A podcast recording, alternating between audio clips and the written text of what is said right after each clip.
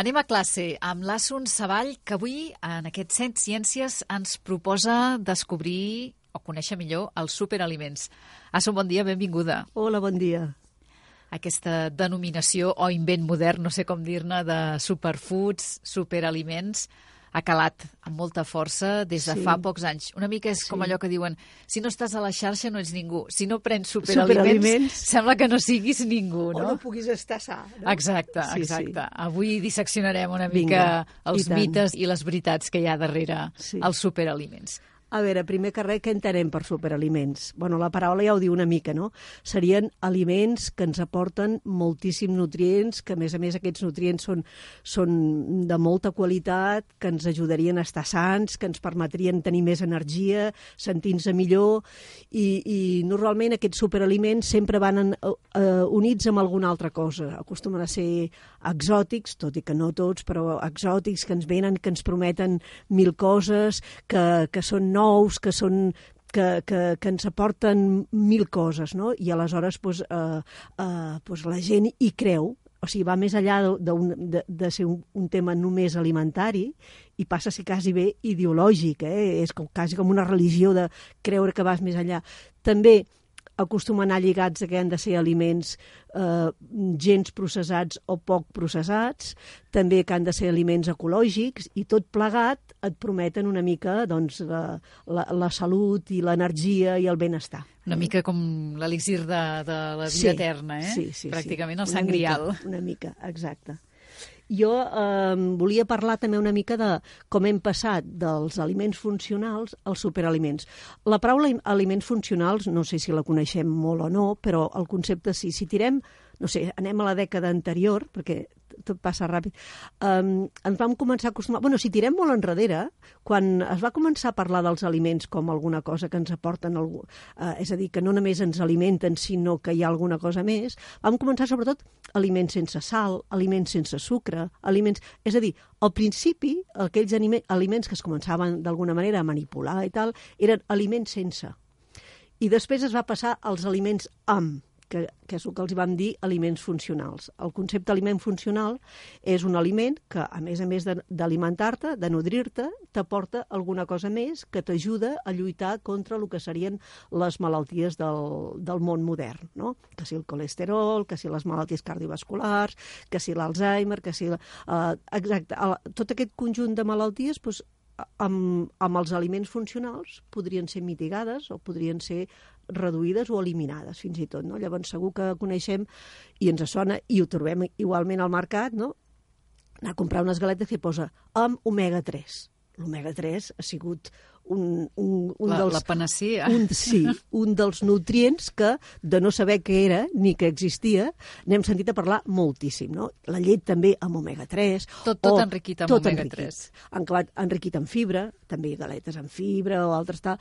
Han acabat també els, els fitoesterols, o per exemple el danacol, que, porta, que, eh, que, pot, que pot ajudar també amb el colesterol, o altres nutrients que podien ajudar les dones amb el tema de la menopausa. És a dir, hi havia l'aliment funcional que l'aliment funcional bueno, doncs, va ser interessant, eh, i s'ha utilitzat moltíssim, però ara encara han fet un pas més, no? i hem anat als superaliments. Vale? I era una altra dècada, les xarxes socials no tenien la força sí, que tenen ara, i ara el concepte, l'invent aquest de superaliments ha fet fortuna. Molt, de quina manera? Molt, molt. Què serien Llavors, superaliments? Bueno, doncs anem a repassar-ne alguns, que segurament ens sonen uns altres. N'hi ha moltíssims, eh? però bueno, doncs que més o menys ens hagin arribat aquí, perquè aquí doncs, hi ha molt...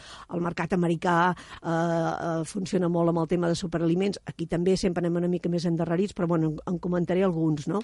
Una és una col que li diuen cale, la, col, la, la, cor, la col rissada. Eh? Al, al mercat de Vilafranca en trobes, sí, eh? Sí, sí, ja en trobes, ja en trobes. L'altre dia vaig veure fins i tot una bosseta d'aquelles de, de, de verdures que ja era de, només de col, que millor si es, això que dèiem, millor si es pren mm, crua. A veure, què té de particular la col aquesta verda? És interessant? Sí. A veure, se, sempre són interessants aquests aliments, eh?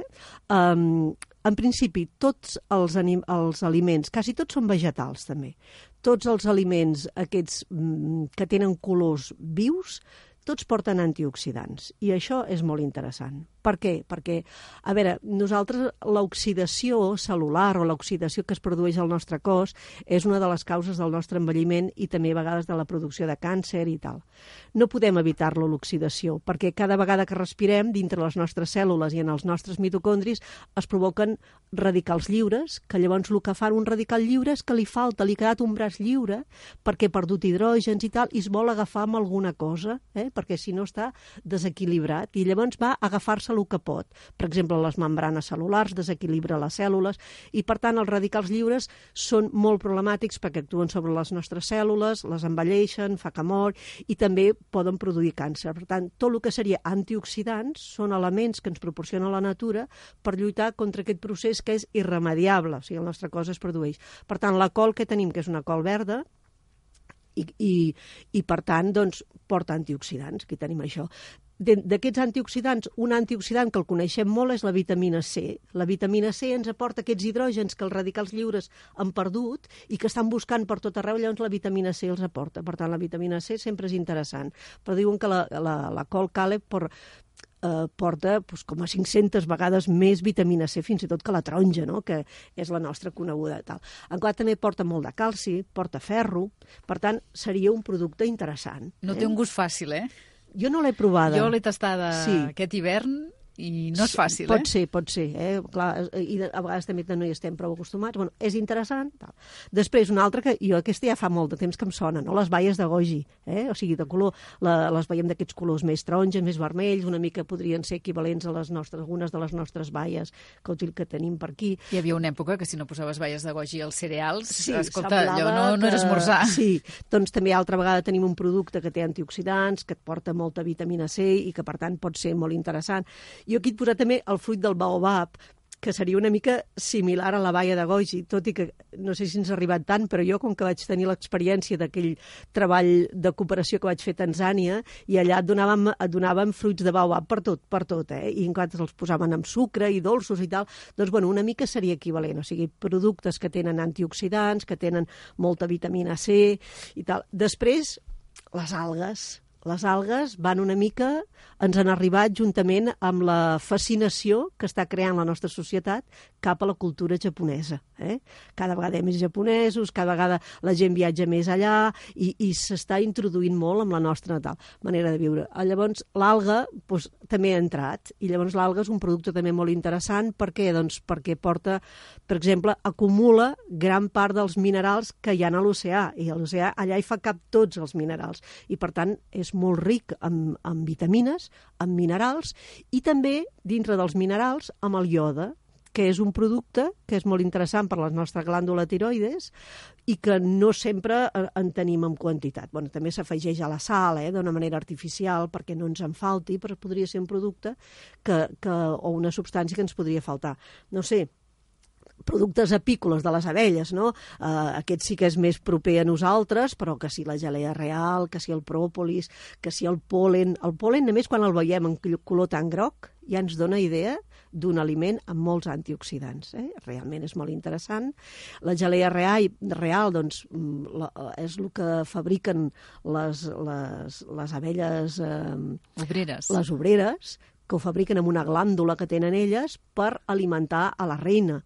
I la reina doncs, viu cinc vegades més que les altres, les altres eh, abelles. També és veritat que no es mou d'allà i les altres han de pencar més i tal, però bueno, però clar, porta moltes vitamines, sobretot del grup B, que pel sistema nerviós i tal són molt interessants. Moltíssimes, les llavors de, de lli o de xia, que, són, que porten molta fibra i, per tant, ens ajuden a regular la nostra, uh, el nostre trànsit intestinal. Uh, la cúrcuma, la cúrcuma és un altre producte que, que últimament se'n parla moltíssim perquè es veu que és un antiinflamatori. Clar, nosaltres la podem utilitzar com a espècie i és un antiinflamatori que es veu que fa un efecte molt més interessant fins i tot que l'ibuprofè eh, tant d'ibuprofè que emprenem a la nostra societat, o el gingebre, que és un altre producte que també ens ha arribat amb la, amb la cuina japonesa, doncs té un efecte eh, per evitar les nàusees i per evitar el mareig, que sembla que és millor que la, que la biodramina. Bueno, què hem de dir del te verd, eh? com a un antioxidant fantàstic, o de la quinoa. Eh? La quinoa és un altre producte la quinoa té d'interessant... Que s'ha posat pels núvols. I, clar, s'ha posat... I aquesta també té un gust una mica particular, sí, però s'ha posat costa. de moda, costa una mica. I el que té d'interessant la, la, la quinoa és que és un vegetal, però que té molta proteïna, perquè clar, el problema que tenen els vegetarians, per exemple, que només consumeixen vegetals, o només, dic vegetarians, no dic vegans, eh? Uh, poden consumir llet i ous, però tal. Llavors, el, el problema que tenen és que les proteïnes d'origen vegetal tenen menys uh, valor biològic. Què vol dir això? Doncs que dels aminoàcids essencials, que són aquells que el nostre cos no pot fabricar, amb les proteïnes d'origen animal hi són tots. Per tant, els que som omnívors no cal que ens preocupem. Mengem el nostre qualsevol tipus de, de carn o qualsevol tipus d'aliment d'origen animal i ja tenim... Però clar, els vegetarians, encara que siguin ovolàcteo vegetarians, moltes vegades han d'estar controlant si tenen prou aminoàcids essencials i aleshores la quinoa sí que els hi proporciona i tal. Bueno, però aquests serien alguns, alguns. i n'hi ha molts La altres. llista és llarga. Eh? La llista és llarga, sí, sí. I és, és veritat eh, tot això que s'explica d'aquests superaliments que, que porten aquesta gran concentració clar, de nutrients clar. i de és beneficis? El tema, aquest és el tema, no? Aleshores, segurament, o sigui, el que diuen és veritat, és a dir, si ens diuen que, si ens diuen que la col cale doncs, té molta més vitamina C que la taronja, és veritat. Ara, segurament tots les, la, els beneficis que ens, que, ens, que ens diuen que ens aportaran, doncs possiblement no està en veritat, per moltes coses. Per exemple, quan hem dit, bueno, la col, no sé si ho he, sí, ho he dit al començament, que porta molt de calci i molt de ferro, també. Val. Llavors, resulta que el calci i el ferro, el que assimilem bé és el d'origen animal i no tant el, o amb dificultats el d'origen vegetal. Per tant, segurament, si prenem un got de llet, la millor portarà menys calci o no, però el que és segur és que l'assimilarem molt millor que el calci que porta la col aquesta. No? Per tant, segurament el que porten és el que porten, però els beneficis que ens aporten potser no són tants. Un altre tema, per exemple, abans quan parlàvem de les algues que porten ioda, el iode és molt interessant, però és interessant en una determinada quantitat. Si prenem molt, molt de ioda, eh, podem tenir problemes d'un hipertiroidisme, és a dir, la nostra glàndula tiroides necessita ioda, i si no en tenim, podem provocar un hipotiroidisme i la, la glàndula aquesta és important perquè regula el metabolisme i controla si cremem bé l'aliment o no. A vegades hi ha persones que, per exemple, s'engreixen molt i diuen és que té un problema de tiroides. Eh? O sigui, no, l'aliment que entra a l'organisme no està ben distribuït quin s'ha de cremar, quin s'ha d'amagatzemar. Aquestes persones millor n'amagatzemen massa. Per tant, el iode és important, però amb la quantitat òptima. Si en prens massa, pots generar un hipertiroidisme i tenir problemes. És a dir, sí que és veritat que porten el que porten, però els beneficis evidentment no són dolents, ni molt menys, eh? són aliments interessants, però els beneficis potser no són tants.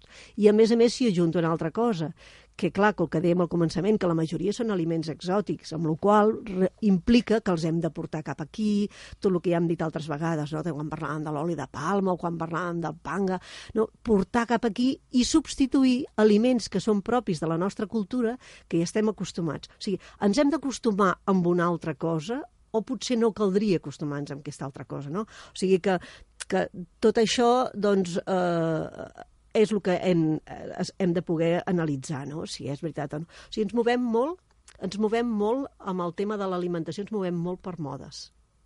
Ara és una època que el gluten, el gluten i la llet sembla que siguin... Doncs, el dimoni. El dimoni. Estan al banc dels acusats i és perillosíssim. I clar, realment el gluten és perillós. És perillós per les persones celíaques, per les persones que tenen al·lèrgia, però representen un 5% de la població. Llavors, la resta doncs no tenim cap problema en prendre gluten i a més a més hem de menjar perquè una altra cosa és que clar, quan amb un aliment li treuen el gluten, a lo millor li posen una altra cosa al seu lloc que a lo millor tampoc no és tan saludable. És a dir, el gluten és problemàtic per les persones celíaques, pels demés no. No és millor un aliment sense gluten. Però ens ho creiem, això de les modes, perquè trobaràs Sí. molta gent que et dirà he deixat el gluten, tot i que no són celíacs, Sí. i em sento molt millor. Sí, sí, sí. sí. Um, és molt, clar, psicosomàtiques les coses. Clar, nosaltres amb la nostra manera de viure hi han tants elements que influeixen que és difícil saber exactament si quan canvies allò, allò és el que t'ha provocat o ha coincidit que en aquells dies... És a dir, és molt difícil de lligar-ho tot i pogueu uh, atribuir exactament amb allò. El que és veritat és que si una persona treu el gluten no s'ha de sentir, no, no, té, no hi ha cap explicació científica, si no és celíac, perquè se senti millor. Per tant, segurament o s'ha mentalitzat, que això també tenim, som molt psicosomàtics, o s'ha mentalitzat, o hi ha hagut alguna altra cosa que no té controlada que ha influït. O amb la llet, la llet encara més. Clar, la llet hi ha... Eh, o sigui, aquí eh, intolerància a la lactosa n'hi ha bastanta, eh? Aquí d'un 15 a un 20%, que és, és, és un nombre bastant important. Però, clar, els que no som intolerants a la lactosa, clar, la gent que va... Ara vas al sub, vai, a prendre't un cafè i veus allà llet de soja, llet de no sé què, llet de no sé què...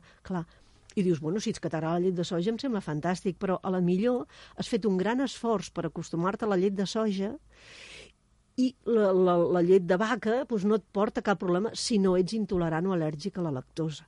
De, de la soja també podem dir una altra cosa, que aquestes modes moltes vegades tenen uns interessos econòmics al darrere. Hi ha negoci. Hi ha negoci. I molts sí. diners invertits en publicitat. Molts, molts. I llavors, per exemple, amb el cas de la soja, que ara ha baixat una mica, eh? perquè amb tots els super no han sortit tants... Ha quedat que, diluïda. Ha quedat diluïda. Va haver-hi un moment que la soja semblava, sobretot, clar, amb el tema de les dones, el tema de, um, de la menopausa, que s'hi portaven isoflavones, que eren equivalents als estrògens. És veritat.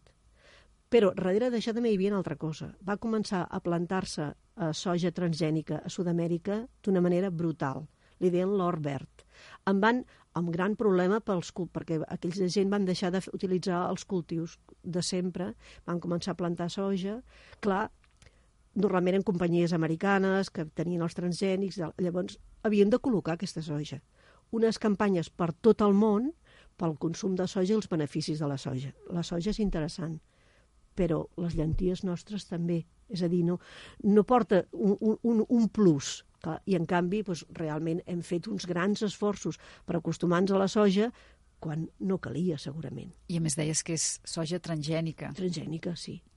Jo no, no és que tingui pensi que els transgènics són el dimoni, no, però quan hi ha una sensibilització amb la soja, amb els productes transgènics, doncs aquesta soja que ens arriba de Sud-amèrica és soja transgènica, sí, sí. Eh? Per I tant, per... I digues, per acabar-ho d'adobar només falta el famós o la famosa sí, de torn, sobretot de, de Hollywood, sí, sí, sí. parlant de les bondats d'algun d'aquests superaliments. Estan estupendes, i llavors, clar, la, la, que era la Julia Roberts, que diu que planta la kale, la, la, la col, a casa seva i, i, i bueno, a Estats Units se, de, se li diuen el Kale Day, o sigui, Ara hi ha un, hi ha un dia, dia a l'any dedicat a la col, a la col aquesta, no? com Marallós Glà i la Julia Roberts que en fa propaganda, no? o per exemple l'Angelina Jolie, que, que pren molt les llavors aquestes de, de chia, que dèiem que portaven molta fibra, o pren el blat serraí, que en, també li diem fe, fe, fejol, fejol, fejol en va. Sí, que en realitat no és un cereal, però és un altre producte interessant, com dèiem abans amb la quinoa, perquè és d'aquells de, que porten proteïnes d'alt valor biològic. Val? Llavors, bueno, tot això està bé, però clar, el fet de que algunes persones ho vagin posant a, a, a un coneixement dels demés, doncs, pot fer que ens hi emmirallem i diem, oh, pues ha de ser estupendo, si em prendré la col i estaré com la Julia Roberts. La Julia Roberts ja és molt gran, però, bueno... No? Però està estupenda igualment. Però està estupenda, exacte, exacte, i podem pensar tot això. Per tant, a Son Savall advoques perquè consumim superaliments de, de casa, casa nostra, nostra sí. eh? quilòmetre zero. Sí, jo ara us parlaré de cinc superaliments que tenim aquí, que són fantàstics i són els de tota la vida i, a més a més, ens agraden molt. Un és el tomàquet. El tomàquet, recordo que al començament dèiem allò, quan hi ha colors molt potents hi ha antioxidants. Concretament, el tomàquet té un antioxidant que és el licopè, que és molt interessant per prevenir el càncer de pit, o sigui, i a més a més porta molts minerals i, i, i porta molta fibra i ferro. És a dir, el tomàquet és un superaliment eh, de casa nostra, tot i que ens, ens els han desgraciat una mica, eh? perquè si no és l'època ben bé del tomàquet, no, no tenen res. gust de res. Eh? Llavors, ara es diuen que intentaran recuperar una mica el gust, eh? que aquest és un tema. L'altre, les, les nous. Eh? Les nous doncs, eh, són, són molt interessants, porten molt d'omega-3, que abans parlàvem de que seria molt... Tal, I poden, ser, poden substituir, per exemple, a les llavors aquestes de chia, que aquestes són les que... La, no, la Julia Roberts, no, l'Angelina Jolie diu que utilitza tant... Doncs la, les anous tenen omega-3 i, a més a més, tenen molta fibra, per tant, són superinteressants. Unes altres, les llenties abans ja ho he comentat quan parlàvem de la soja. Podem, no cal que busquem la soja, eh? busquem les llenties. I després les sardines. Les sardines és la gran font d'omega-3. Eh? I, a, I a més a més, bueno, el peix blau... Peix blau petit. El peix blau. I, exacte, és el que anava a dir. I a més a més petit, perquè la tonyina també en porta molt. Però és allò que passa, que, que els peixos grans acumulen, això ja ho ha sortit alguna altra vegada, acumulen mercuri. Quan més anys viuen, quan més eh, aliments prenen que, que siguin altres animals grossos, i el, el, evidentment la, la tonyina gran s'alimenta d'altres peixos que també porten, porten temps vivint i van acumulant mercuri. Per tant, és molt més interessant la sardina. Eh? I hi ha èpoques que, a més a més, és baratíssima, superbona i, i és un, un gran superaliment de casa nostra. I l'altre, el que no podia faltar, l'oli d'oliva, no? És, és, és la nostra or, no?, que porta, porta una mica de tot, eh? I prevé de les malalties cardiovasculars, el, evidentment el colesterol, porta moltes vitamines, porta també omega-3 i omega-6 i omega-9, o sigui, és superinteressant. Així que fem, doncs, amb aquests superaliments Clar. exòtics? A veure, què, què passa amb tot això? Que amb societats que, es, que anem ben servides, que estem tipes, i l'alimentació passa de ser una cosa bàsica a, a sublimar-la. I moltes vegades a través de l'alimentació estem venent una ideologia, una manera de fer, i volem buscar coses especials, no? Volem que sigui natural, el concepte aquest natural tal. Volem moltes vegades tornar als orígens, volem moltes vegades que siguin exòtics, perquè el tema de l'exòtic ens sembla que ens aporta un, una, un valor afegit, i clar, tot això potser no té massa sentit. A veure, una cosa, al tornar als orígens, per exemple, s'ha posat de moda la, la dieta paleolítica. Clar, tornem als orígens, però volem viure aquí, no volem anar a viure en una caverna dalt a la muntanya, no sé on... Ni sortir no a caçar. Ni sortir a caçar. Volem viure aquí i volem tenir tots els mitjans i volem tenir els nostres, uh, materi um, els nostres mòbils i els nostres ordinadors i tal, i volem anar al cine i al teatre, agafar el metro, l'autobús, l'avió, i després volem... No, això no té sentit. És a dir, l'alimentació serà la pròpia que hem de tenir i a més a més són molts al món per tant si tots busquéssim allò natural que no porta cap ingredient, cap conservant que a més a més no s'ha congelat congelar és socialitzar, és a dir si volem és evident que el millor és el producte de proximitat fresc. Això i sobretot a nivell organolèptic. Però si volem que l'alimentació correcta i equilibrada arribi a tothom, hem d'aconseguir que menjar aliments de proximitat i que, a més a més, aquests aliments puguin perdurar. Eh? Per tant, hem de treure'ns una mica les modes aquestes, les ideologies. Cada un que tingui... La... que els vegans van més allà d'una manera de menjar. Allò és una ideologia de respecte als animals. Jo no tinc res a dir-hi, però clar, com tal no ens ho vulguin vendre com allò és lo saludable.